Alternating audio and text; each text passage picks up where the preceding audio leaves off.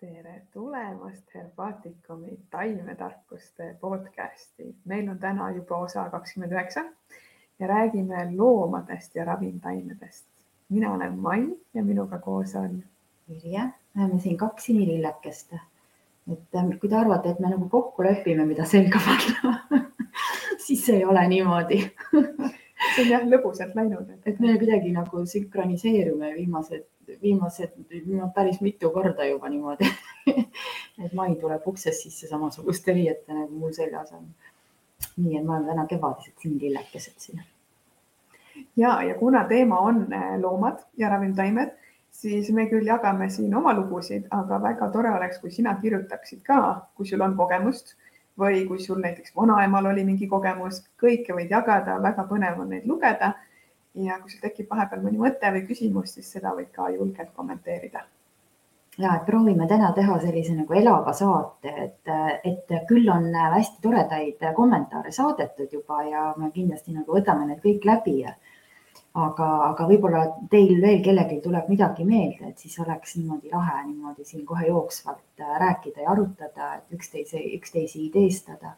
sellepärast, et äh, eks need loomad meie elus on ju tegelikult väga olulised äh, ka meie enda tervise jaoks.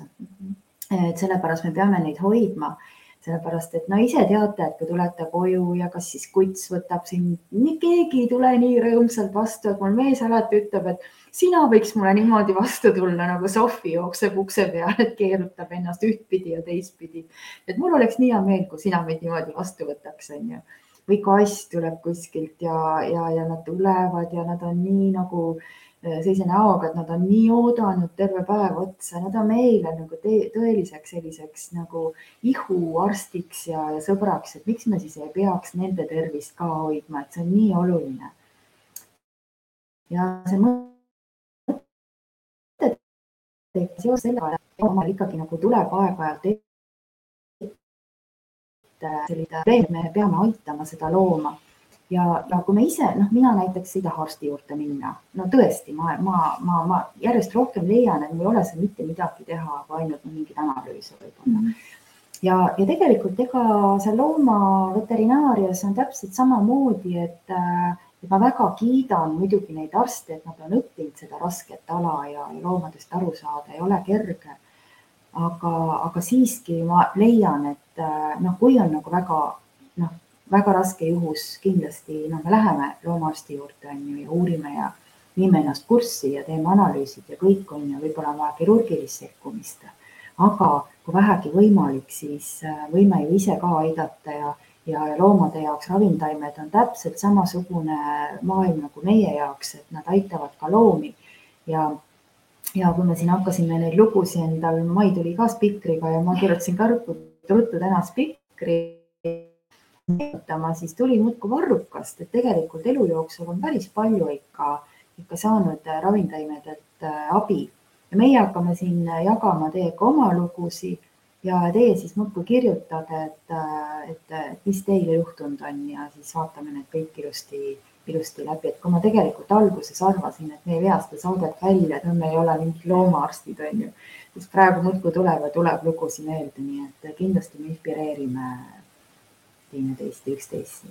ja ma olen täiesti nõus, et äh, tänulikkus kõigepealt, eks, et meil on loomaarstid, aga minu enda kogemus on, äh, mul on kaks koera kodus, vanem saab nüüd üheksa. Minu enda kogemus oli see, et üheksa aastat tagasi ma sain esimese looma, mul ei olnud varem koera olnud. Ja siis tundus kõik selline hirmus, on ju, natukene värises, värin tähendab ju valu, lähed jooksed jälle arsti juurde. Ja ma käisin mitu ringi. Õnneks oli kindlustatud koer, mingi osa kattis kindlustus, aga ma käisin vähemalt neli korda erinevaid analüüse tegemas. Ja iga kord mulle öeldi, et teil on terve koer. ta jõi metsikult vett, ta värises niimoodi, et oli külili, kõik käpad värisesid, sa näed, tal on halb olla. Ja kõik arstid ütlevad, et korras on, kuni siis lõpuks ja, ja siin on jälle see koht, et ma ise olen ka võrdlemisi noor, eks ole, aga need arstid seal olid ka võrdlemisi noored. Ja minu isa ütles sel hetkel väga õigesti, et tore, nad on õppinud väga tublisti, aga neil puudub elukogemus. neljanda korra lõpus siis anti mulle üks äh, erialaspetsialist, kes tegeleski, poegimine oli tema eriala kuskil Viljandi metsade vahel, ma praegu nime ei mäleta ja kui ma talle siis kirjutasin, siis ta vastas mulle kohe, ja see on normaalne, et emastel koertel võib tekkida peale jooksuaega põiepõletik. nii lihtne vastus. ja selleks ajaks olen ma käinud neli korda mingite eriarstide juures, maksnud ikka korralikke summasid ja kõik laiutasid käsi, mis oli nagu minu jaoks ehe näide sellest, et kõigepealt vaatame, mis saab kodus ära teha. ja kui tõesti sa näed, et noh, ei lähe paremaks, siis muidugi lähme arsti juurde, eks ole aga ikkagi tuleb endale kõigepealt otsa vaadata ja ennast kõigepealt usaldada ja siis saad alles mõelda, et keegi teine teab paremini. Ja tegelikult, kui me mõtleme meie oma rahvuse peale, siis vanarahvas on ikkagi alati nagu jälginud ka loomi, kuidas loomad looduses käituvad ja, ja me oleme siin äh, varasemates saadetes rääkinud ka, et, et äh, seda me saame tõestust selle kaudu, et kui palju on tegelikult taimenimetusi loomanimedega, kus on looma nimi sees, eks ole, me hakkasime siin juba kirja panema, põdrakanep, piirekõrv, vanijalg, kassinaeris, kassikäpp, karu, mustikas, kirburohi, jänesekapsas ja nii edasi ja nii edasi, et tegelikult neid äh, loomanimesid on hästi palju ja see on saadud ju selle järgi, et vanarahvas on jälginud, kuidas loomad looduses käituvad, leidnud sealt mingisuguseid sarnasusi, näiteks et mingisugused taimed oma olemuselt või välimuselt sarnaneb, sarnanevad kuidagi mingile loomale, jälginud, mida loomad söövad näiteks ja, ja selle kaudu saanud informatsiooni. Nii et tegelikult äh, noh, see on meie, meie rahva kogemuses sees ja meie rahvas on äh, tegelikult, no millega siis vanasti raviti loomi ikkagi nagu võeti loodusest ja, ja, ja segati kokku ja seda enam kui tänapäeval enam loomadel, paljudel ei ole võimalust minna loodusesse ise otsima. et, äh, et noh, loom on toas ja, ja ta jääb haigeks ja, ja, ja tal ilmnevad sümptomid ja me siis nuputame, on ju aga looduses mina saan teile kohe tuua nagu kaks sellist väga võrdlevat juhtumit. minul üks koer, kes meil oli siis Marta, meie selline noh, tõeliselt nagu haljas koer noh, oli nagu pereliige ja ta, aga ta elas väljas, et ta oli sihuke kaukaaslase ja kolli segu ja ta elas kogu aeg väljas, tuppa ei tahtnudki tulla. ja, ja mitmeid kordi ma märkasin, et tal on halb olla ja, ja siis ma märkasin, et ta, ta, ta leia, ta, ta otsis endale taime ja ta läks selle taime juurde, ta kasvõi istus selle taime peal või näris seda taime või leidis selle konna ja lutsutas seda konna, eks ole. Või noh, me teame, et eks ole, et kui, kui loomadel on äh, bakterid paigast ära, et näiteks on ussirohtu saanud et siis nad äh, kipuvad siis äh, sööma teist, teiste koerade väljaheiteid, aga see ei ole mitte sellepärast, et nad ennast nii mõnusalt lõhnastada saavad, vaid sellepärast, et nad saavad sealt neid baktereid, mida teised loomad on välja kakanud. ja kui me näeme seda, mitte, mitte alati nad ei torma ju sinna junnide juurde, eks ole, tormi, vaid me märkame seda, siis tuleks ikkagi seda noh, probiootikume neile anda, sest nende organismid on samamoodi ju bakteritega kooskõlas elavad ja, ja samamoodi nad vajavad bakterid äh, nagu, nagu meie organism, et meie ei lähe teiste inimeste sitta sööma, eks ole, aga, aga loomad on leidnud selle, sest no väljaheite sees on need bakterid ikkagi nagu olemas ja me saame, noh, saaks sealt, eks ole, vot samamoodi Sveta on siin öelnud, et kassid-koerad söövad orasheina enda ravimiseks. ja, ja see on tõesti, mina ka olen seda palju näinud oma koerte peal aga teise poolena on see ka ju selleks, et kui nad tahavad ennast oksele ajada mm. -hmm. ja, ja kuna mul on jahikoerad kodus, siis neil on see hästi kombeks, et nad söövad kõigepealt selle hunniku muru ära ja siis nad oksendavad midagi välja, mis neile ei seebinud hästi ära.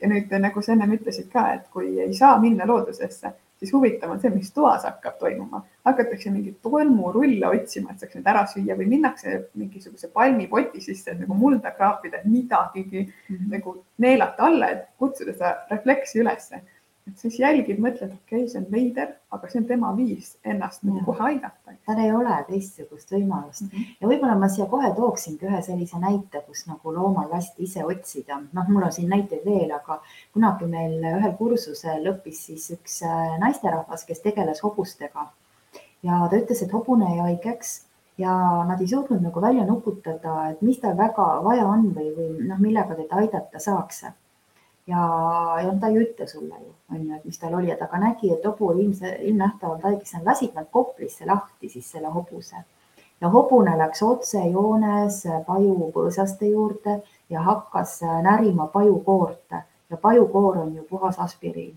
Nii et ta teadis väga hästi, et loomadel on see kutse olemas, et nad vaata, kui meie ka laseksime oma need teadlikud refleksid lahti ja läheks alateadlike reflekside juurde, et me leiaks ka selle rohu üles niimoodi nina järgi või, või noh, mida me koolis õpime ka, et me peame nagu ära tundma, milline on meie taim eh, mitte ära õppima, vaid ära tundma, milline on meie taim, et see taimede nagu selgeks õppimine ja selgeks tund-, noh, tundmine on nagu kaks erinevat asja, eks ole.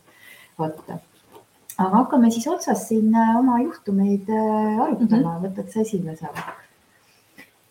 no mina olen tegelikult äh, hädas olnud selle põiepõletikuga, nagu ma mainisin, no iga aasta kaks korda, sellepärast et mul on no, kaks koera. ei, noh, selles mõttes ikka olen, et ega koer ei lähe ise leevendama, mina olen see, kes on magamata ja käib kogu aeg õues, eks. Aga ma lootsin seda, et vanasti öeldi, et paljudel tegelikult on praegu ka vist nii, et jooksuajad lähevad sünkrooni, kui sul on kaks koera mina olen kuus aastat oodanud, ei, ei lähe. neli kuud aastas on jooksuajad, mis tähendab seda, et neli korda aastas vähemalt on põiepõletikud peale seda. ja, ja mina küll proovisin siin alguses, et teha kummelitõmmist ja panna sinna joogivee hulka, et saab ikka põletikku alla, aga juhtus nii, et ma ei taha juua seda.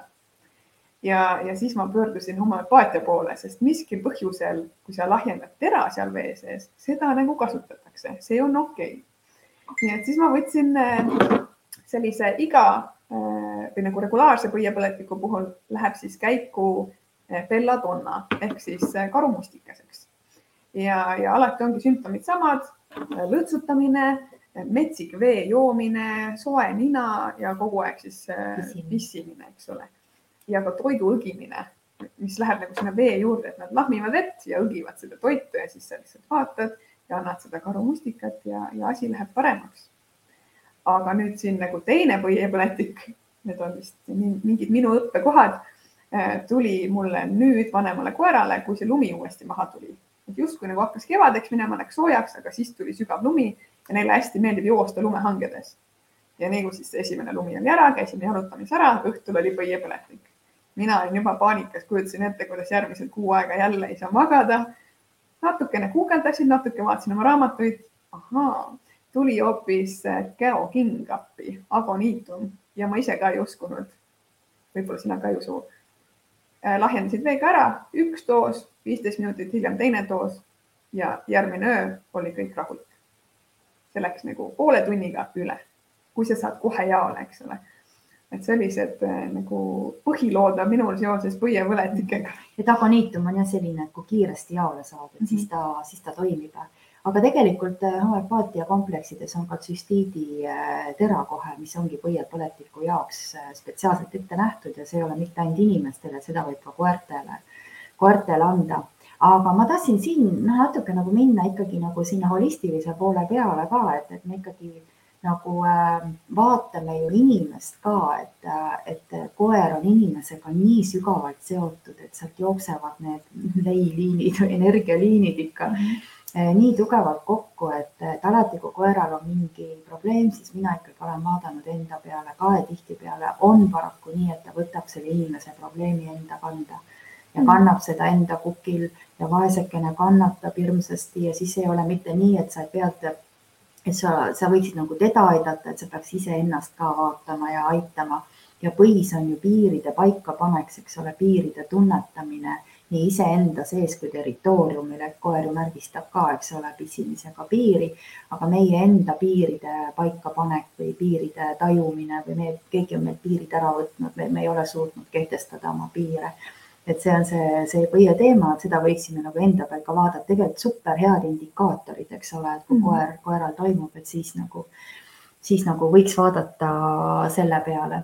vot, aga mina äh, võt-, võib-olla tooksin siin sellise loo, et meie siis koerhaljas Marta, kes meil kunagi oli, keda väga paljud inimesed teavad, kes Vetka talus on käinud. tema poolt ma olen saanud ikka väga palju õppida ja, ja, ja temal oli siis äh, kärntõbi ja see kärntõbi on ähm, noh, selline haigus, mida, mida tegelikult väga raske on välja ravida ilma medikamentideta, seda on väga paljud inimesed tunnistanud. aga minul see õnnestus ja ma olen seda äh, soovitanud äh, ka teistele ja võib-olla on kellelegi teile ka abi et siin mul just üks õpilane küsis nõu ja ma soovitasin talle, et ma nüüd seda tulemust ei tea. Aga peale seda, kui ma olin selle koera äh, kärntõvest terveks ravinud, siis tuli minu juurde, ma ei mäleta kuskilt äh, kaks loomaarsti, mitte eestlased ei olnud nad mm. -hmm. me kuidagi hakkasime rääkima ja nad ütlesid, et see on nagu uskumatu, et seda, nemad ei tea ühtegi juhtumit, et seda saab mingite looduslike vahenditega terveks ravida. aga mina kasutan siis, kasutasin siis sellist asja nagu turbamass et äh, see on seesama balneoloogiline turvas, et kunagi me noh, Tervisekodu ise müüs seda toodet, nüüd meil ei ole, aga ma tean, et Eesti toodete hulgas on seda balneoloogilist turvast, ehk siis see on noh, ütleme siis spa, spa protseduurideks ja ütleme naharaviks ja, ja spaaraviks äh, mõeldud siis äh, turba, maa-alune turbakiht, mis on seal kuskil pooleteist meetri sügavusel, mitte see, mis on siis seal soos noh, raba peal, eks ole, vaid vaid seal sügavuses ja ma panin siis, määrisin selle koha, oli nahk oli sealt kõik maha tulnud, oli näha, et need pännad olid seal peal, eks ole. määrisin selle turba, vedela siis turbakihiga kokku ja ma ei lasknud tal seda lakkuda, kuna ta oli sellises kohas, et tal oleks võimalik olnud lakkuda, siis ma läksin temaga peale seda jalutama, lihtsalt, et ma tegin sellise tunniajase jalutuskäigu. Selle ajaga oli ta ilusti juba saanud seal toimida ja nüüd ma lubasin tal lakkuda. ehk siis äh, tegelikult see balneoloogiline turvas puhastab ka seespoolt, et ta, ta imab enda sisse, isegi on tehtud uuringuid, et ta uma, imab enda sisse igasugu äh, noh, mürgiseid aineid meie seest, ka raskmetalle ja tuleb siis välja. ja ma tegin seda siis kogu aeg niimoodi, et ma katsin jälle kihi kui see oli nagu nahk oli jällegi nagu ära sealt, sealt kulunud pealt, katsin jälle selle turbaga kokku. Ja ma tegin seda kuskil niimoodi äh, nädala aja jooksul kuskil maksimaalselt, mitte rohkem. ja võib-olla isegi kolm, noh, neljandal päeval juba oli näha, et, äh, et äh, hakkas korda saama. Ja see asi lahenes, nii et, et, et võite täitsa proovida, see on kogemuslugu täiesti toimis ja väga võimas lugu ja mõtle nädal aega saad korda ja. probleemi, millele öeldakse, et ei saa ilma ravimiteta. ja just. nii, mis sul? Eh, võib-olla üks huvitav lugu on, eh, kui me lähme korraks oraseina juurde tagasi, eks, et miks koerad-kassid söövad, saada sealt seda klorofülli, eks ole, keel läheb alati sõlme. siis on ju ka rohevetikas eh, kapslite või pulbritena, mida siis müüakse ja mina olen suur smuutisõber, siis ma ikka vahepeal ostan, et paned sinna, peidad smuuti sisse ära, kõik ei saa aru aga tal on nii vänge maitse, et see käib sealt üle ja siis ma olen proovinud ka näiteks eh, vee sisse panna ja ise seda siis juua, saad oma head vitamiinid, mineraalid kätte, on tore. minu üllatuseks, mina pakkusin naljaga oma koertele, noh, tahad ka, jubedalt lõhnab ja nad joovad seda suurima heameelega. põhimõtteliselt niisugune nägu on peas, et anna veel mm. -hmm. ja sina ise vaatad seda topsi, mõtled, nina kinni ära, eks. ei ole eriti mõnus elamus, aga need koerad teavad, mis on hea. ja, ja, vetikad on ju väga head joodi sisal, joodiallikad mm. -hmm. ja mul siin hiljutine lugu oligi jällegi Sofiga seoses, et äh, ma kuidagi tundsin, et äh, noh, pärast me läheme selle opi juurde ka, mis tal oli, eks ole aga peale seda operatsiooni, seljaoperatsiooni, siis ähm, kuidagi nagu tundsin, et ta ei ole enam tema ise, et ta kuidagi mm nagu sihuke närviline ja, ja, ja, ja on hästi loid, magab äh, kogu aeg, et, et noh, õues küll liigub, aga toas on nagu mingi noh, laip maas on ju, et üldse ei liigu. nuputasin, mis ma nuputasin ja mis tal seal häda on, et kas tal see selg valutab või on tal siis äh, midagi muud ja mõtlesin, aga noh, et kui inimesel on palju stressi, et siis me ju võtame ka homöopaatilist joodi ja peaksime seda, ütleme, ka ainelist joodi sööma endale juurde, sellepärast et kilpnääre Äh, töötab joodiga, eks ole mm, -hmm. kasutab joodi oma hormooni tootmiseks.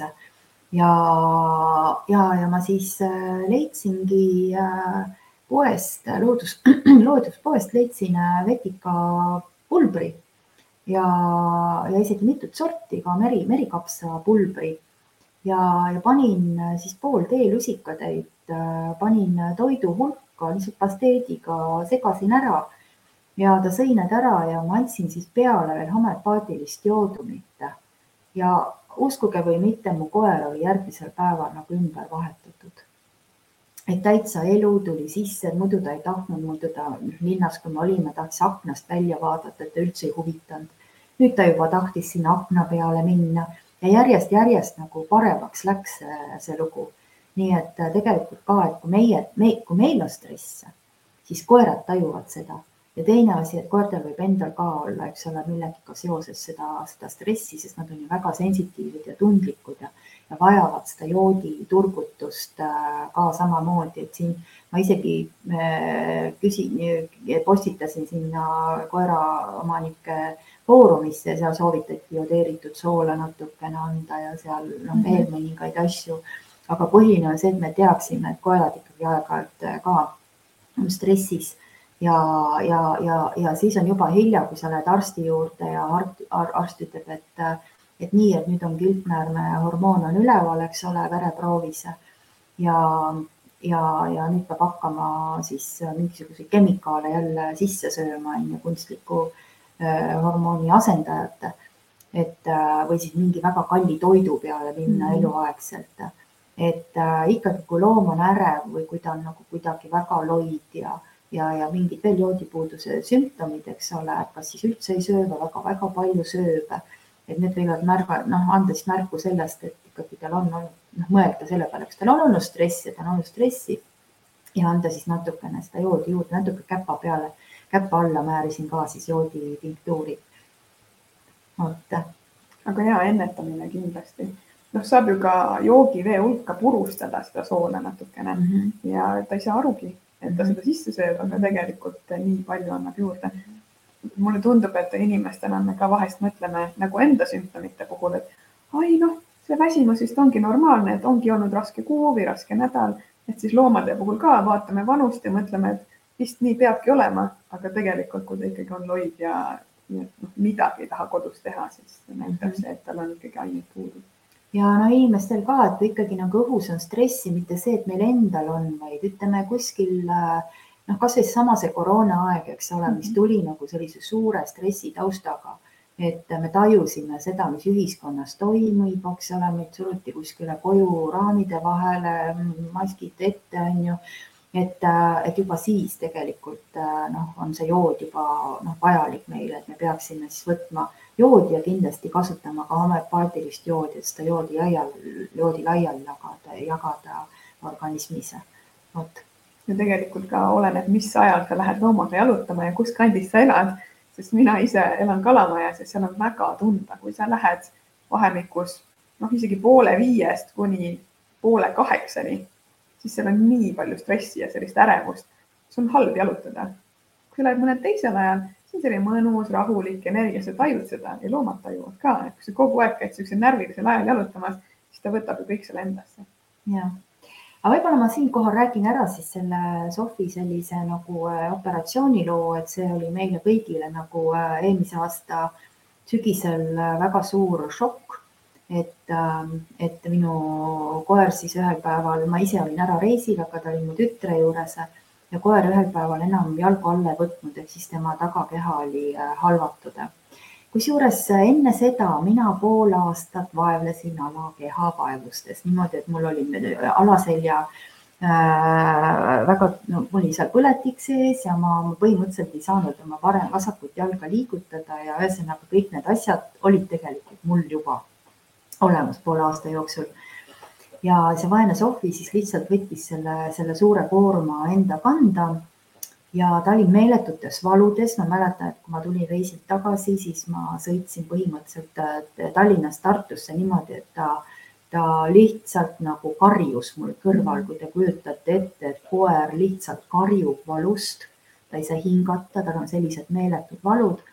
ja kui me jõudsime siis äh, Maaülikooli kliinikumi Äh, tegime seal MRT, siis tuli välja, et tal on seljadisk katki läinud, seljadiski sisu on välja tulnud, see surub vastu seljaaju ja sellest siis seoselt, seosed ka halvatus, et sellest hakkas hästi suur kadalipp. ehk siis kuna kirurgi aega ei olnud, ma pidin kaks päeva veel selle halvatud koeraga kuidagi hakkama saama. Ja ma otsustasin ikkagi selle operatsiooni teha. see operatsioon siis ise kujutas endast sellist protseduuri, et, et, et selgroo kaudu siis tehakse sinna auk ja koogitakse sealt diskist siis sisu välja, mis sealt nagu sealt, ühesõnaga väga-väga ränk, ränk operatsioon aga enne seda, seda siis kaks päeva koer äh, sai valuvaigisteid, ta oli meeletus stressis, ta oli kõht lahti, kaks, kaks päeva ei maganud. Ainult käisin koera jälle koristasin, sest tal oli noh, ainult lippas tagant, onju.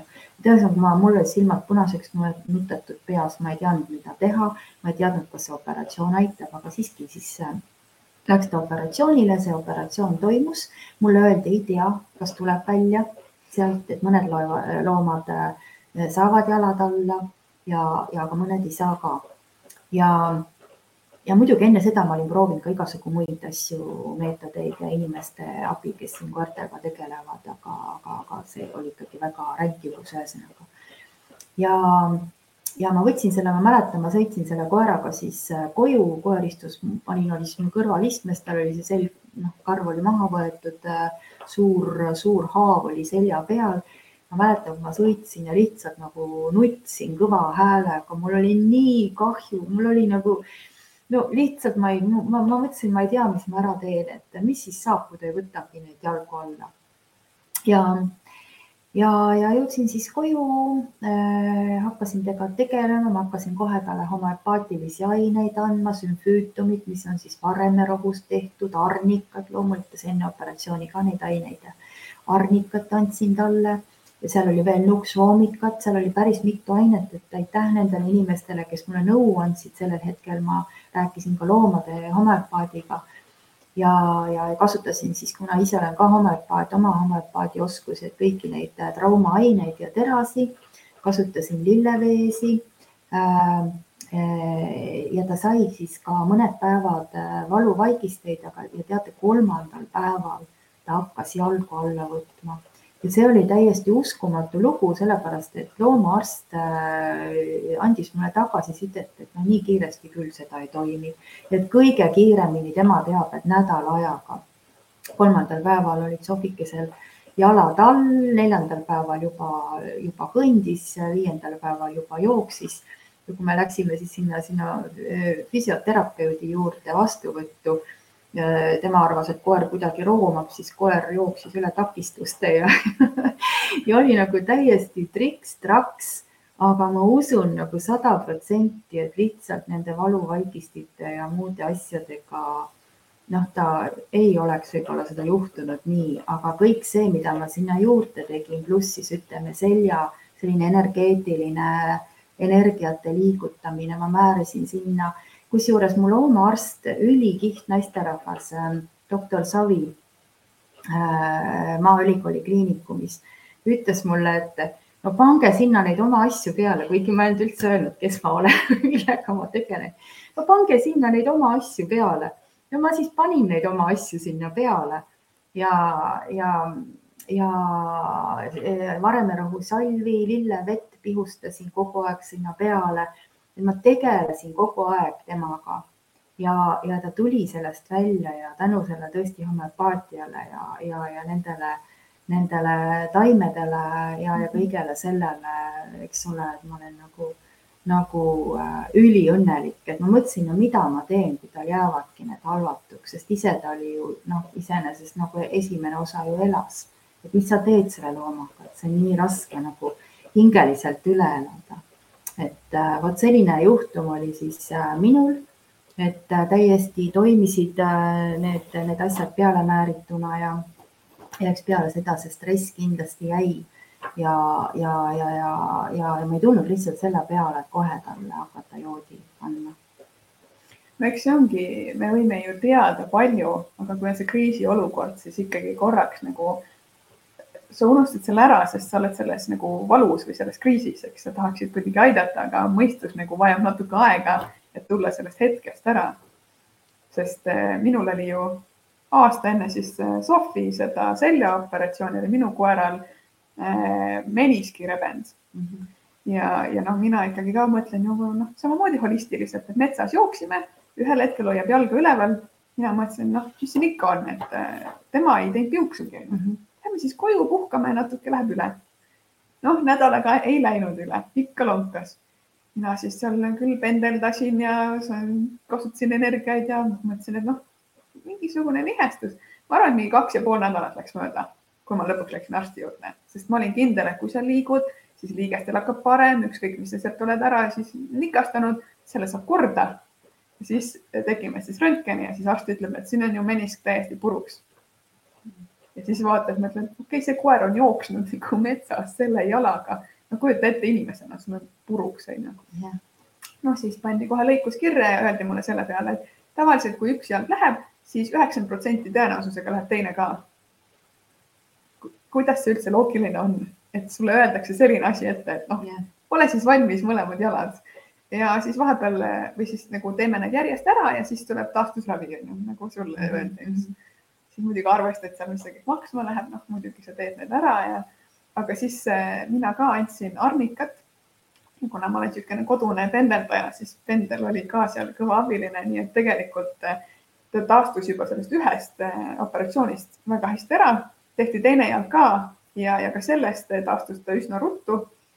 osati ka sellepärast, et mina ei jaksanud teda trepist alla kanda väga pikalt, kuna ma elan teisel korrusel, siis ma lõpuks mõtlesin, noh, mine ise, noh, kui raske see ikka on ja tänu sellele, et ta taastuski liikudes, siis öeldigi, et tegelikult teil ei ole vaja mingit füsioteraapiat, et väga hästi on taastunud.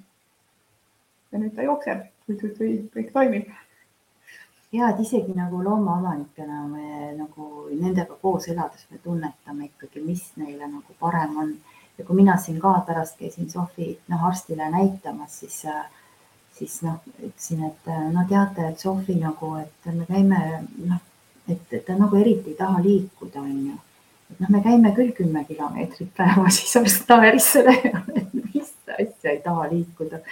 et isegi nagu vaevad koera ära oma kümne kilomeetriga ja ta jookseb ju palju rohkem, onju. kui mina käin kümme, siis ta käib võib-olla kakskümmend, ta käib risti-rästi, eks ole et mis mõttes ei taha liikuda, et ongi väsinud no, peale sellist operatsiooni.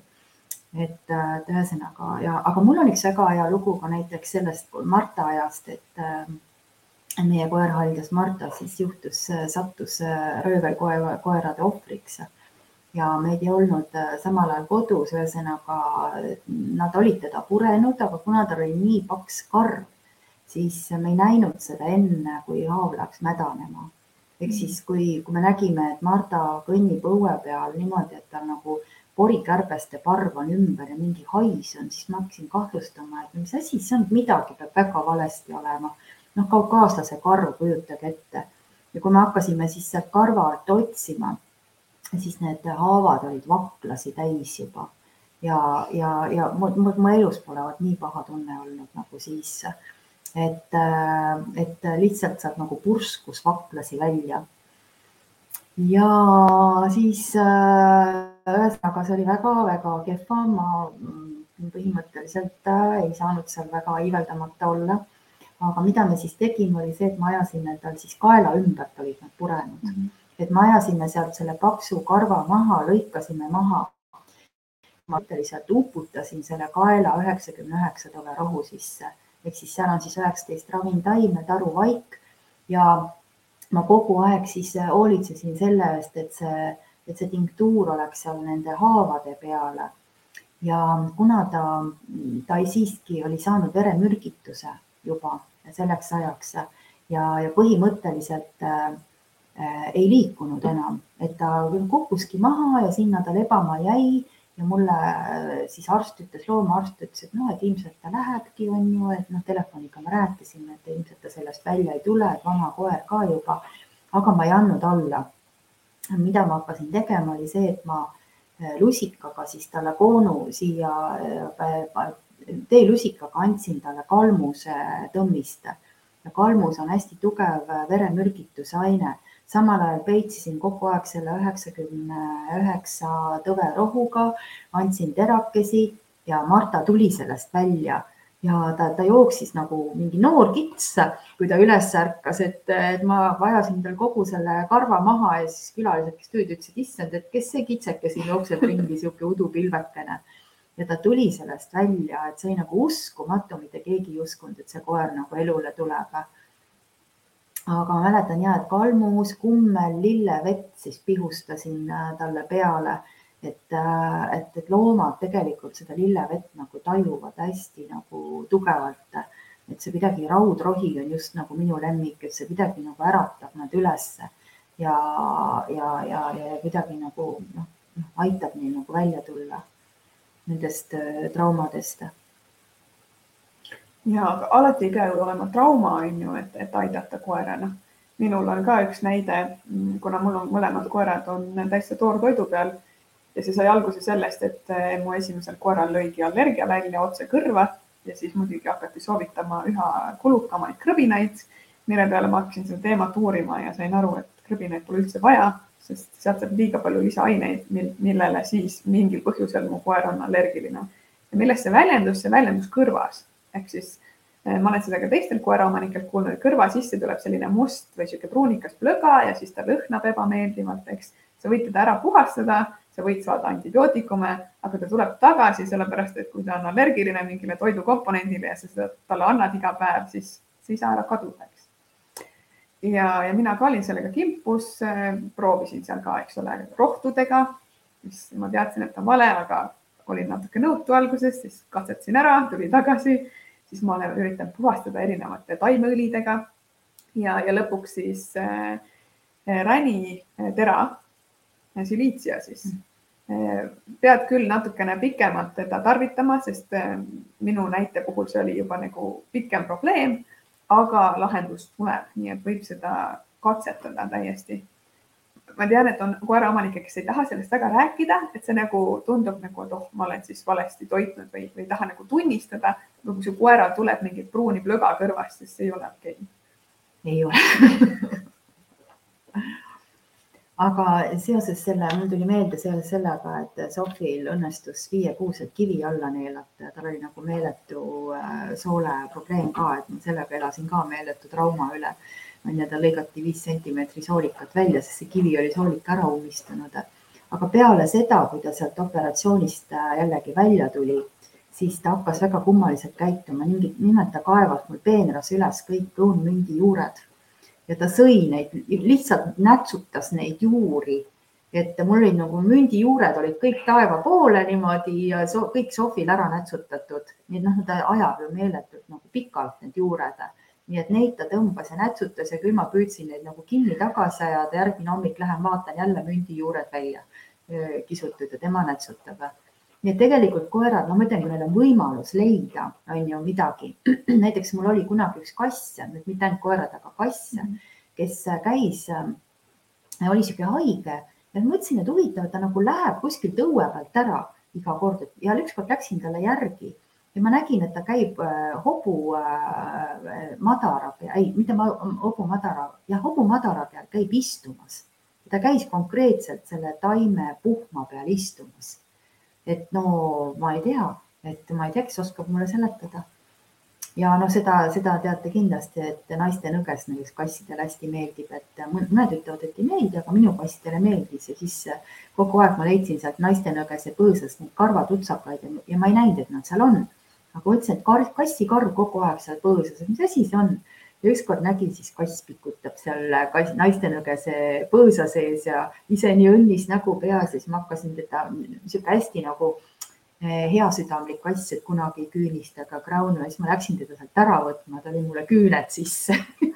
Et mis sa kisud, ma tahan siin olla, aga äh, hakkame siit otsast natuke nende lugudega ka, et äh, siin me küsisime enne juba inimeste kogemuslugusid, tegelikult on väga kihvtisi lugusid, näiteks Mariann kirjutas mulle, et et tal küll otseselt nagu ravimisega seotud äh, lugusid ei ole, aga näiteks kirjutab, et teda huvitab selline fakt, et meie kassist üks armastab meeletult seeni igal kujul kohe šampinjonidest pilvikuteni, kupatatud pilvikuteni, värskeid kõik läheb kaubaks. Äh, lisaks sööb ta brokolit, keedupeeti ja, ja melonit ja, ja nüüd ta närib siis ka mustikavarsi ja murulauku. no loomulikult kassid nagu leiavad need oma need toidud üles, et me tihtipeale märkame, et lilled on ära näritud, eks ole, aga need võivad olla ka, ka mürgised lilled, et siin meil juba siin Facebookis äh, toimuski niisugune lugude jagamine, et kuidas ta tääkliiliat sööb, et siis võib ta sealt mürgistuse ka ikkagi saada nii et äh, et äh, vaatame siit äh, veel, et Kalju Metsküla siin äh, jagas linki, et tema on oma koertele pöörist, oma pöörist seda siis pässiku äh, tõmmist sisse jootnud ja, ja see on väga hästi mõjunud, ehk siis loomulikult seedimisele, looma -hmm. seedimine on ka ju samamoodi tahab turgutust saada, et, et, et miks mitte neid ravintaimi sisse. aga näiteks ma loen siin Annika selle loo ka veel ette, siis no, saame sealt võtta. et Annika kirjutab, et et äh, koer äh, hammustas kassi ja haav muutus põletikuliseks. et haav äh, sai siis kurk, kurkumi aaloe seguga terveks ravitud. ja siis kirjutab, et tema kuldne retriiver, ma panen prillid ette, Seera käib kevaditi mööda aeda ja sööb just täpselt teatud suuruses naati. et mõned päevad teeb nii ja siis on kõik, et ilmselgelt saab sealt siis midagi nagu vaja läheb ja siis ta on äh, õmbluse haava ravinud meega. Äh, kui on kõht korrast ära, siis on antud libe, libejalaka pulbrit, muuseas mina ise hakkasin libejalaka kuuri tegema siin äh, just täna. üldiselt segab talle siis toidu hulka piparmentri, koriandrit, apteegidilli, et seedimine korras oleks. ja, ja, ja ühesõnaga et, et, et tegelikult noh, loomadele täpselt samamoodi me saame neid toidu hulka siis segada neid äh, kasulikke äh, taimi, sest ma olen, mul on tegelikult selline kogemus, et müüakse ka krõbinaid, kus on need nõges asjad sees, aga nad ei taha neid. et, äh, et üks loomatoidufirma müüb, kus on ravintaimed sees, aga kuidagi nagu ma olen märganud, et noh, et kui ise nagu mingi, mina näiteks olen viimasel ajal üldse läinud tatra pudrule üle, minu Sofi sööb tatra putru ja natuke panen pasteeti juurde. et äh, see on talle väga hästi toiminud, et tatra pudru hulka saan ma igasuguseid puitpulbreid puistata. no ja, minul on alati see, et on nagu kaheksakümmend, kakskümmend suhe, et kaheksakümmend on siis näiteks mingisugune lihaosa on ju koos äh, siseelunditega äh, toortoidu peal, siis ma võin rääkida kõikidest organitest, kuidas nad lõhnavad, enam mind ei kõiguta mitte ükski. võib-olla udar on olnud kõige hullem aga, aga siis see kakskümmend on, ongi juurviljad, mis ma siis blenderdan ära ja sinnasamasse saabki panna näiteks nõgest hulka või mingit, mis sa parasjagu soovid, eks. see läheb sinna püree sisse ja jälle nad ei saa aru, et nad seda söövad, sest see läheb veel omakorda liha hulka. täpselt nagu sina ütlesid pasteedi juurde, onju, et nad ei saa aru ja nad söövad ära ja karv väigib, onju. aga mina mäletan, et näiteks minu koer, noh, seda, seda marjasöömist kirjutavad hästi palju, et Sveta siin kirjutab, et tema koer, koer sööb mustsõstreid ja muid marju ja siis ta koirohu kuure teeb lilleveega pritsib ja koirohtu paneb, et see on ka seedimisele hea, eks ole. aga mina tean, et noh, meil oli näiteks see, et, et tikripõõsad, üks, ükskord märka, need alumised marjad on kõik ära nätsutatud, nad pole ära tõmmatud, vaid nad on tühjaks imetud. Nii et et koer oli käinud siis ilusti kõik need alumised oksad läbi ja seal lihtsalt mingid nätsakad lippusid niimoodi alla ja seda sisu sees ei olnud, nii et noh, mis ma pean seda haput sööma, ma võtan selle magusa sisu sealt seest, eks ole. nii, aga vaatame, mis meil seal siis inimesed kirjutavad veel. no siin on äh, Sveta küsimus. pojakassil on vahepeal verine kaka, see näitab, et on parasiidid, küsimärk või punkt kaks varianti. olen andnud eh, siinat kolmkümmend, vahepeal läheb korda ja tuleb mingi aeg tagasi. panin tähele, et sügisel ja nüüd kevadel kõht on korras, annan ränivetika pulbrit mm. -hmm ja et see veri naljaheite sees, et see noh, võib olla mitme asja selline sümptom. et, et noh, muidugi fosfor on üks see aine, et kui meil on nagu äh, organismis, ütleme, kas siis noh, pissiga või kakaga tuleb välja verd, et siis fosforit võib ka proovida, homöopaatilist äh, fosforit. et mm, -hmm. et kindlasti see homöopaatia on nagu igatpidi oma koha peal. ma tahtsin ühte asja veel rääkida, et, et meil on siin tegelikult koolis käinud loomaarste ka ja siis nad on vahest oma lugusid rääkinud ja üks suurkarja veterinaar siis, kes tegi suurtele karjadele just nagu sellist ravi, siis ta ütles, et ikka päris hull, mis, mis pakett sinna nendele lehmadele sisse läheb ja mis on nagu kohustuslik anda. et, et noh, et ta teeb oma tööd, eks ole, aga ta ise üldse ei, ei poolda seda lihtsalt noh, põletiku raviks ja, ja kõik need antibiootikumid ja udarapõletikud ja asjad. Aga näiteks ähm, üks asi küll, mida ta nagu on kasutanud, mida ta koolis sai, oli see, et ähm, kui suurlautades on meeletult kärbseid, et siis vanasti kasutati näiteks metsvitsa tossu tehti. Mm et ehk siis need kärbsed ju lähevad sinna pragude vahele ja siis nad kevadel hakkavad sealt äh, välja ronima, on ju, sealt pragude vahelt. aga kui teha metsvitsa tossu ehk siis tehagi no viirukiga tossutada, siis nad, äh, see uimastab need äh, kärbsed ära, nad kukuvad maha ise saad nad niimoodi lõbusalt kokku pühkida ja, ja välja riisuda lõbusalt kokku pühkida see on väga hea. Aga Merike siin küsis, et ähm, koeral on juba pikemat aega pärmseen kõrvas, vahel vähem, vahel rohkem, on käinud arstide juures, erinevaid ravimeid kasutanud, pole terveks saanud. Äh, nüüd äh, toimub nädala pärast kõrva läbipesu narkoosi all.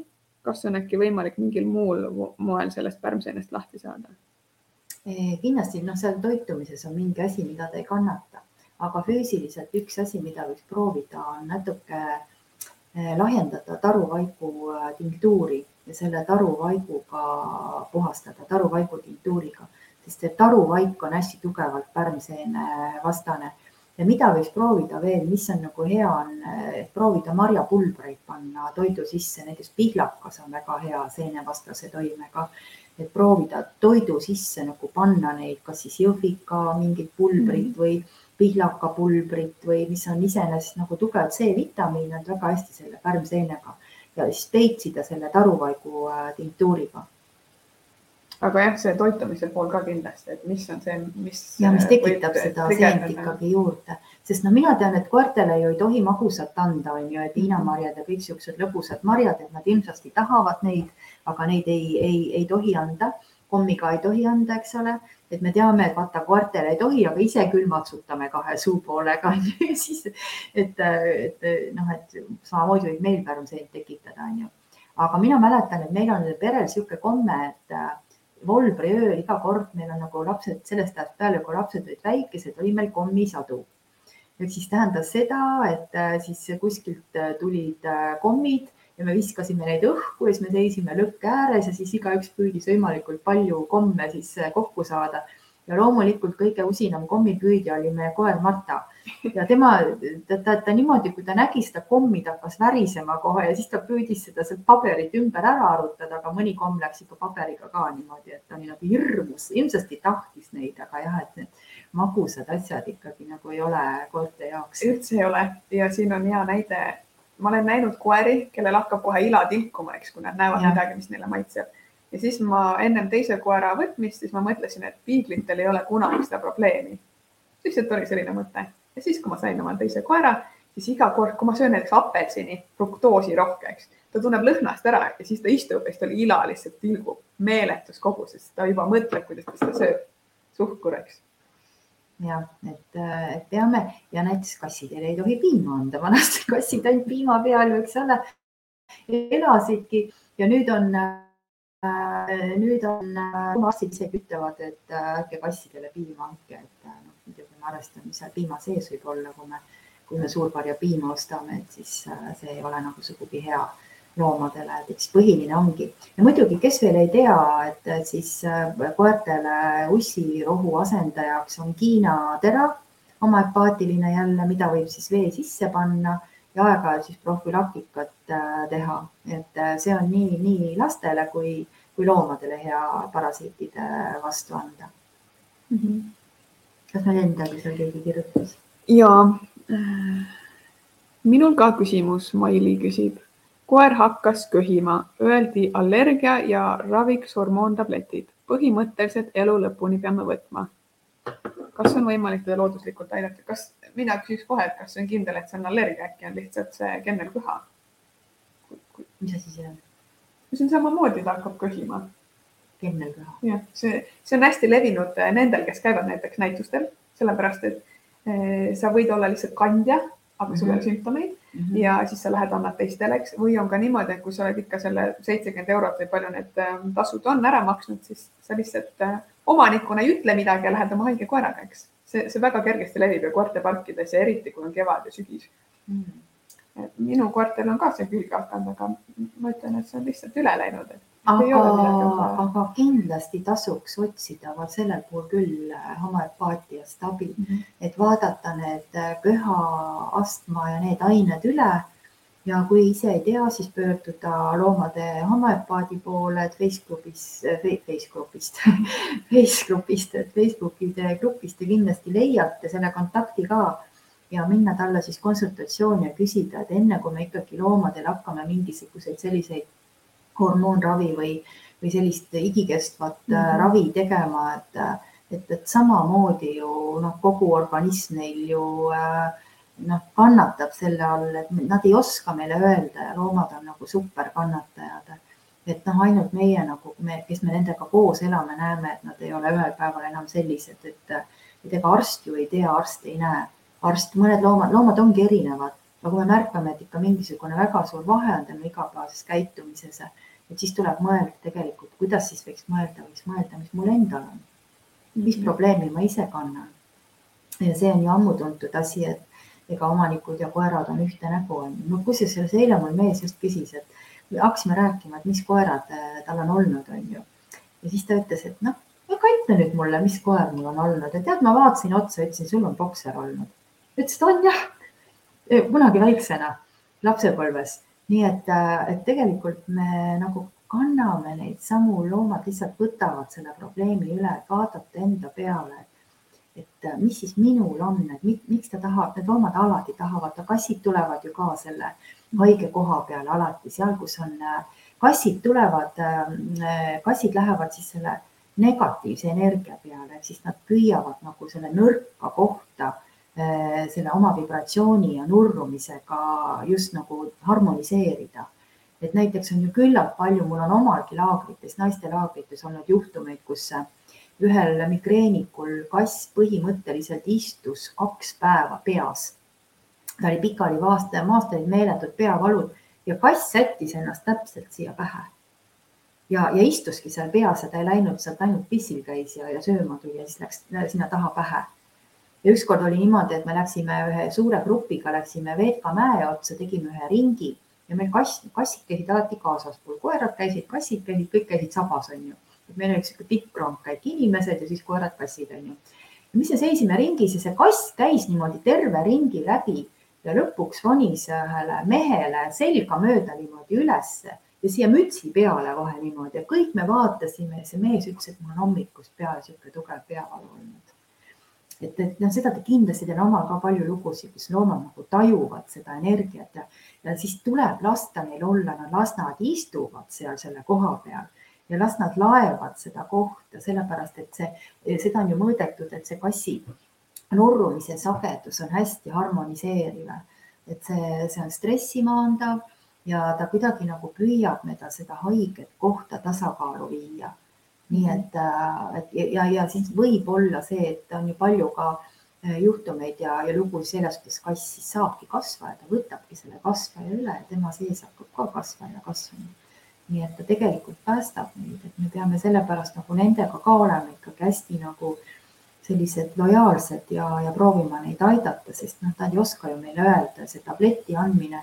no mina, kui ma veterinaari juures käin, siis ma, mul tekib alati küsimuse no näiteks kui on mingisugused nagu valudega seotud asjad, valu ju tekib sellepärast, et hoida millest, millegi eest, et hoiatada millegi eest ja anda märku, et mul on seal valus, ära astu peale, eks ole mm. -hmm. ja nüüd, kui mulle pannakse see valuvaikist, et miks ma nagu Sofi puhul ka peale oppi väga vähe kasutasin, võimalikult vähe valuvaigistit ja proovisin anda nii arnikat kui homöopaatilisi valuvaigisteid. et äh, miks ma püüdsin hoida, sest kui ta kui ta see toimestab selle valu ära, põletikuvastaseid asju ma oskan ise ka anda, mul ei ole vaja valuvaikisid anda sellepärast, et põletikku maha võtta, sest homöopaatias on küllalt palju põletikuvastaseid aine, ravintaimi on põletikuvastaseid. kui ma nüüd võtan selle valu tal maha, siis ta ju ei hoia ennast. ta ju võib endale ju siis haiget teha ja minu jaoks ei ole seal loogikat valu mahavõtmisel. kui valu tuleb meile näitama, et meil on probleem siis me peame tegelema selle probleemiga, mitte seda, seda valu siis maha võtma. loomulikult on kahju, aga kuidas siis organism ise ennast ravida saab, kui me selle maha võtame? ja pärast on kõik need maksad haiged, eks ole mm, -hmm. on äh, muud organid seal kannatab, seedimine kannatab, et kindlasti nagu loomadele probiootikume anda, anda igal, igal sihukesel juhul, kui tunnete, et te kuidagi kahtlaselt seedimisega lood on paigast ära, et, et need on nagu hästi-hästi olulised. aga võib-olla siin olekski hea koht soovitada, kas sa oskad mingit probiootikumi soovitada? no mina olen ostnud äh, loomapoes seda pasta kujul seda probiootikumi ja seal on mingisuguseid, minu arust oli seal seda libejalaka pulbrit äh, ka sees, nende sees, et see libejalakas on hea loomadele ka andmiseks ja muuseas ka meie, ütleme, hariliku jalaka õied, et no mis seal see libejalaka pulbril on, mis see, mis see võlu või mis see maagia seal on, see, et ta tekitab sellise nagu limakihi või kaitsekihi organismis sinna soolestikule ehk siis ta ei lase nendel äh, mürgistel ainetel sinna soolestiku seintele kinni kleepuda ja jääda, ta viib need välja. ja nüüd, kui me võtame näiteks, sööme jalaka äh, õisi, need on imeilusad, varsti ju tuleb kevad, eks ole, imeilusad siuksed lillakas-roosad õied, et kes ei ole märganud, kuidas jalakas õitseb, see on imeline. Need kõlbavad süüa ja seda jalakaõisi võib korjata siis ja jahvatada see pulbriks ja panna samamoodi sinna, sest ta, kui sa mätsutad seda suus, seda jalakaõite, siis ta ka juba sihuke nagu muutub kleepjaks selliseks. et seal ongi see fenomen, et ta moodustab sellise nagu kleepja kihi ja see aitab siis soolestikul paremini nagu kaitsta neid sooleseinasid ja paremini sealt läbi käia siis nendel, nendel ainetel või mis sinna kinni on jäänud, nendel ainetel seal väljuda aga kui me anname neile sünteetilisi ravimeid, et püüame nagu valuvaigistitega äh, aidata. et, et siis võivad olla ikkagi tagajärjeks see, et need muud organid kannatavad. Ja, ja tegelikult mul tuleb meelde siin praegu, et kui me Sofiga siin selle seljaga probleem oli, siis meie üks õpilane siis rääkis, kuidas meie kursusekaaslane oli temal siis aidanud energeetiliselt koera jalule. Ehk siis Elizabeth oli teinud energeetilist äh, energiate liigutamist, kohe tajunud ära, kus on valukoht ja, ja, ja silitanud selle välja, nii et tegelikult, kui te ise istute oma haige loomaga kodus ja silitate teda, siis te võite ka, me oleme kõik tundlikud tegelikult mm -hmm. oma käel tunda kas kuuma kohta või tunda kuidagi, et seal on nagu mingi seisak või seal on mingi blokeering või, või ta kuidagi on nagu valus see koht või seal on mingi muna üleval lihtsalt nagu õrnalt silitada seda laiali, et ähm, kõik on ju energia loomadel täpselt samamoodi ja need energiad on võimalik panna liikuma, et kas see nüüd ta päris terveks teeb, aga aitab igal juhul. Et äh, no ju küllalt reikid näiteks võib kasutada mm. loomade peale, ma mäletan, kui meil kunagi laagris olid reiki õpetajad, siis need äh, sihuke koera masseerimine käis, et koer ainult käis ja niimoodi viskas ennast sülle ja siis tehke mulle massaaži, et neile väga meeldib, eriti kui sihuke roheliste kätega inimene. ta paneb need käed sinna peale ja see loom kohe tahab olla seal selle käe all, et ta rahuneb maha ja, ja lõõgastub. täiesti nõus ja, ja näiteks hea näide jälle, kui ma siis, kuna minu teine koer on siis minu esimese koera poeg siis ma sain olla nagu algusest peale näha, kuidas ta siis kasvab ja kõik muud jutud. aga esimesel nädalal eh, ta jäi haigeks. Eh, oligi nädala aja vanune, täiesti loid, pead ei suuda hoida, onju, noh, selline tunne, et mida sa teed. helistasin muidugi loomaarstile, sealt öeldi, et mitte midagi ei ole teha, sureb ära. mina mõtlesin, et okei okay,, et ma päris sihukest asja ei taha. Siis ähm, Google'ist leidsin, et glükoosisegu tuleb teha, jootsin seda sisse panin ta sooja poti peale, silitasin igatpidi, loomulikult võtsin oma pendli jälle appi, onju. järgmine päev terve koer. kaks nädalat hiljem täpselt sama nali, onju. Ja siis mina olin juba nii väsinud kolmanda nädala peal, mõtlesin, et kas tõesti, et nagu palju mulle sedasama ülesannet antakse, et ma ikkagi tahaks, et ta ellu jääb, sest reaalselt loomaarstid kõik ütlesid, kuhu ma helistasin, et meil ei ole nii väikest kanüüli, eks me ei saa mm -hmm. mitte midagi teha, et lihtsalt elu on selline, onju. siis jälle glükoosi segu sisse sooja koti peale, jälle katsud, silitad, räägid, pendeldad, terve. ja nüüd ma vaatan, et see koer on veel hullem nagu heas mõttes kui mu vana koer, eks. Et alguses küll oli selline väetik, aga nüüd on tervis nagu rauast, mis on tore. vot, et tegelikult me ikka tajume ja tunneme ära selle, kui, kui loomal midagi midagi on ja, ja, ja me saame ise väga palju aidata, et kõik need ravimtaimed, mida me kasutame inimeste peal Äh, mis ei ole väga mürgised, me võime ka loomadel täpselt samamoodi kasutada väiksemates kogustes, väiksemates doosides, võib-olla proovida esialgu lahjemalt natukene teha ja vaadata, mis on nagu tähtis, on see, et vaadata, kas ta võtab selle vastu. et mhm. kas ta nagu ei hakka nagu vastu puiklema just taimede puhul. homöopaatiaga on küll niimoodi, et ma teen lihtsalt koonu lahti, panen talle siia keele taha osale ja ta juba teab, et aeg-ajalt need terakesed talle tulevad ja ja näiteks teine koer, mul poja ja, ja Minia koer on selline, et tema kohe tahab neid terakesi, et tema on hea meelega võtab terakesed sisse, nii et meil terakesed ikkagi nagu on nii, nii inimeste kui, kui, kui loomade ravis äh, olemas. ja kui te ostate oma Edvaati esmaabikomplekti, siis äh, seal on ilusti kirjas äh, põiepõletik, mahu, pohmell noh, ütleme koerseres ju pohmelli ei saa olla, eks ole, aga no ma ei tea, aga võib-olla on juhtunud midagi, on ju, ma tean näiteks, et üks kunagi kuskil oli üks lugu räägiti, et üks vanem naisterahvas oli eluaeg kassiga koos koorega kohvi joonud. Ja, ja tema nagu kass oli nii harjunud selle koorega kohvi, koorega kohviga, et, et kui ta hommikul kohvi ei saanud, et siis läks ära nagu hulluks kätte. nii et ja kass oli kahekümne aastane kahekümne aastane koorega kohvi ei olnud eluaeg, nii et tegelikult nagu loomad on hämmastavad ja mis ma nagu veel tahtsin teema üles tõsta, on see, et, et ähm, need, need ütleme, ütleme need äh, siis äh, need noh, graanulid, mida loomadele antakse, siis eks ole, need, äh, kuidas ütled nüüd, loomatoit, eks ole. loomatoit jah, krõbinad. loomatoit, krõbinad jah, et ähm, kuidagi nagu see meie keskkond koos loomade ja lindudega on läinud nagu seda arenguteed, et äh, nad nagu ei, äh, nad nagu ei äh, ütle ära nendest.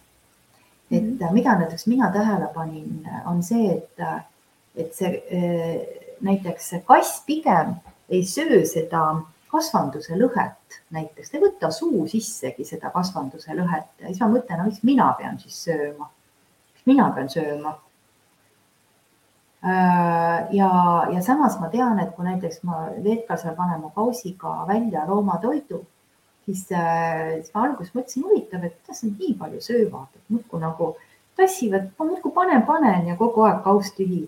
aga ei olnudki kass ega koer ära söönud, vaid linnud vedasid minema. linnud vedasid selle loomatoidu minema.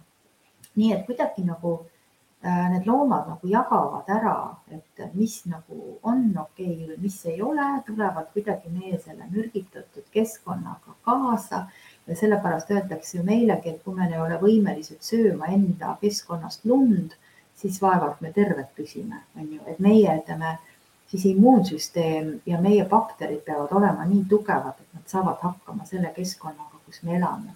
ja, ja loomadel ju täpselt äh, samamoodi, et nad kuidagi nagu ühilduvad keskkonnaga, harjuvad sellega ära ja võtavad selle toidu vastu, aga kui tõesti midagi on sellist, mis on väga mürgine ja loom ka ei võta, siis mina soovitan igal juhul nagu küll nagu sellest õppust võtta ja ise ka süüa, et, et nad tunnevad selle ära tihtipeale mitu kala ära visanud, sest no kuule, kui loomadele alla ei lähe, siis no kuidas ta mulle peab minema. ja, ja sama on ju ka kõikide poolfabrikaatidega, kus on need maitsetugevdajad sest äh, koertele, küll mul vähemalt kodus on nii, et võtad viineri kapist välja, nad võivad sul pea peal tantsida. nii hea, eks. mitte sellepärast, et see koostis on hea, vaid seal on see mingi lõhna või maitse tugevdaja, mis neile hästi sobib, onju. et see siis peab teadma ka, et see ei ole tooraine, vaid see on nagu valmis mingisugune toit, et siis ei tasu mõelda, et tema sööb, siis ma ka võin süüa, onju. kõige peal see ka ei kehti. aga siin on veel vahepeal küsitud äh, südameprobleemi kohta. see on nüüd äh, väga väikene sõna on ju, südameprobleem võib olla mitmelt poolt, kas on mingi klapiprobleem või, või rütmihäire. võib-olla on rasvunud süda näiteks mm, -hmm. ka see võib olla, et kui loom on ületoidetud ja valet toitu saanud, on ju, et siis võib olla probleem. aga, aga ka südametaimi võib ju loomadele ka anda, et üks väga hea südametaim on näiteks hiirekõrv mm. -hmm. et noh, juba nimi ütleb hiirekõrv, eks ole, tema seemned on hiire, on siuksed südamekujulised. ja, ja, ja seda, need seemned võib siis tampida loomadele või siis teha tõmmist sellest ja segada siis näiteks, et noh, mina olen teinud niimoodi, et kui, kui tahad anda taime tõmmist, et siis sa teed selle, kui, kui ta ei ole väga kibe näiteks on ju, et sa teed selle tõmmise valmis, muidu noh, veistesüdamerohi on ka, aga veistesüdamerohi on kibe, on ju.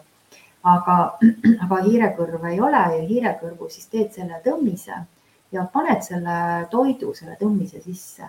Ehk siis kas sa annad talle krõbinaid või mina annan tatrapudru sisse, näiteks paneme, tatrapudru on ise juba selline vitamiinide ja mineraalainete allikas, et tema sees on endas juba nii palju olemas neid vajalikke aineid.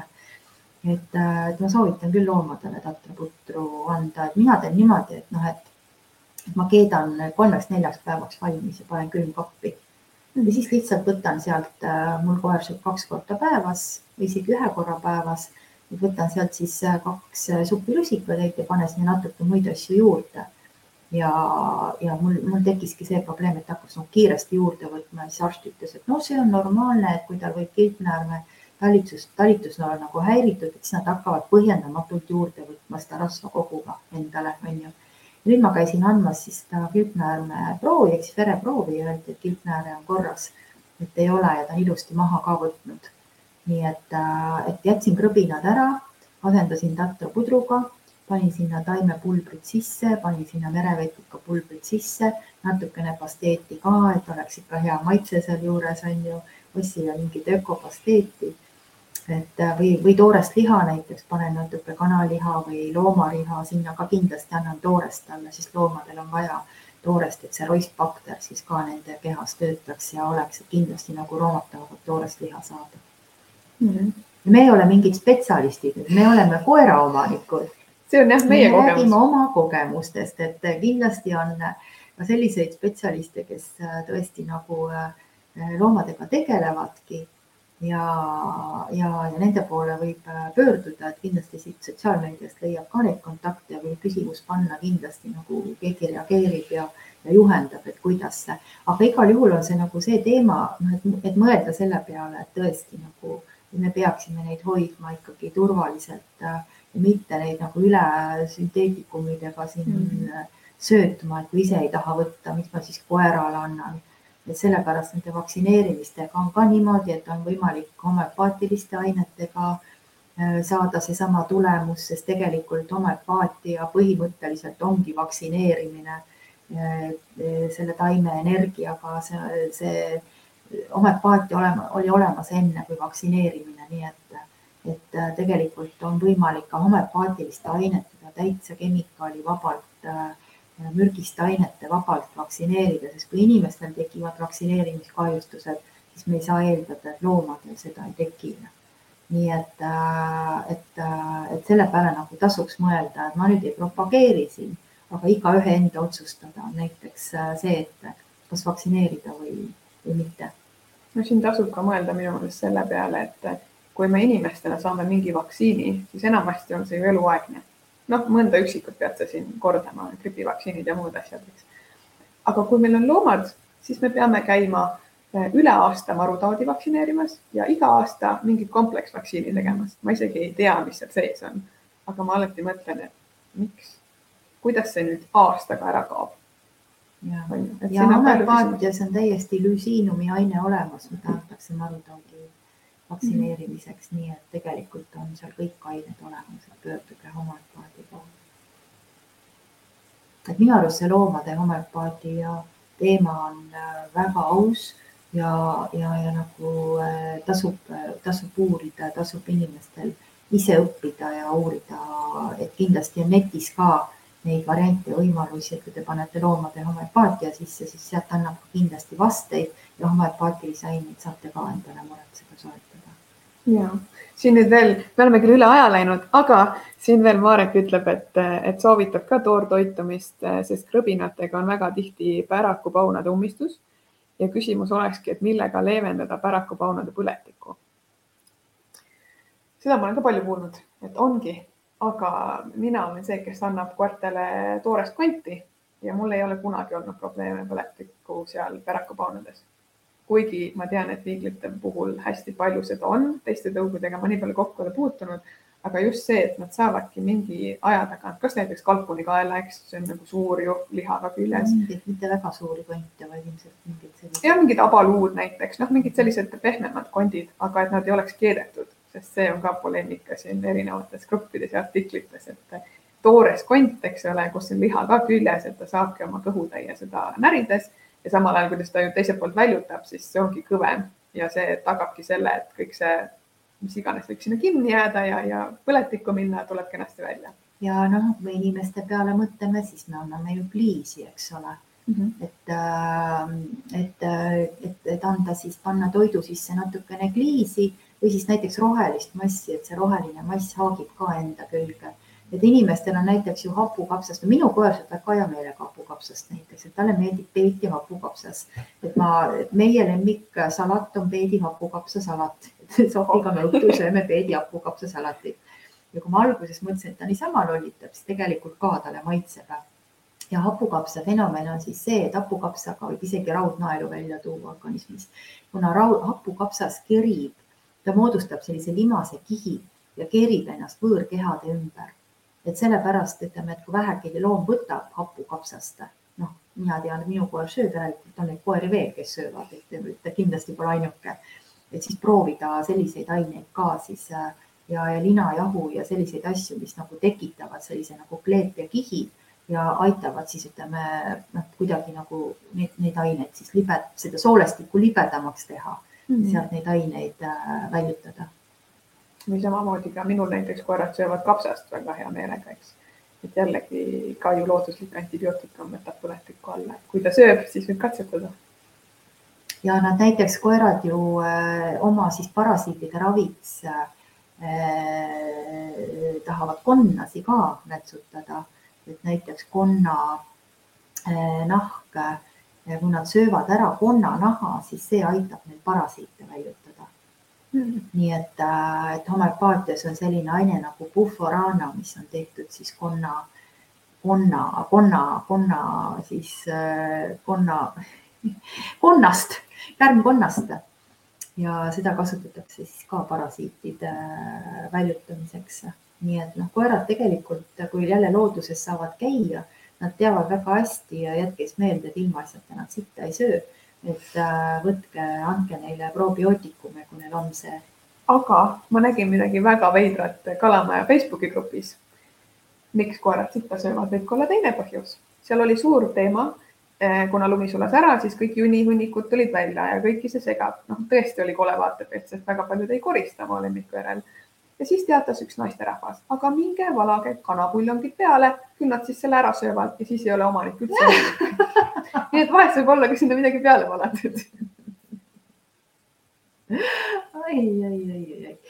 no ühesõnaga sihuke, sihuke saade sai, et ärge siis pahaks pange, et me ei ole spetsialistid, aga, aga jagasime lihtsalt oma, oma kogemust.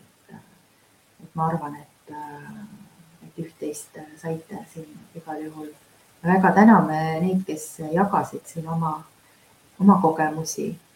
ja, küsimusi.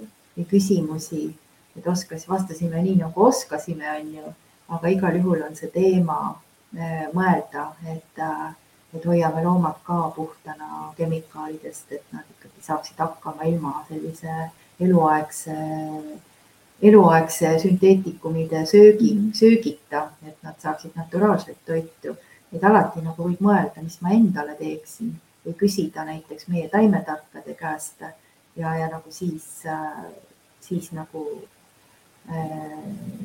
ja, ja sinna joodi teema juurde veel korraks, et kui sa näed, et su koeral on karv hästi lahti mm -hmm. või kassil, eks -hmm. et siis sa võid ka mõelda, et äh, ilmselgelt tal on palju stressi olnud, et toeta teda veidikene joodiga ja sa võid üllatuda, et ei tulegi nii palju karva mm, -hmm. kui mhm. võib-olla igal aastal on tulnud mina näiteks ostsin selle joodipulbri, ostsin Edenis on üks looduspood, et äh, sealt ja ma tean, et Tallinnas on sarnane pood äh, Balti jaama turul mm. -hmm.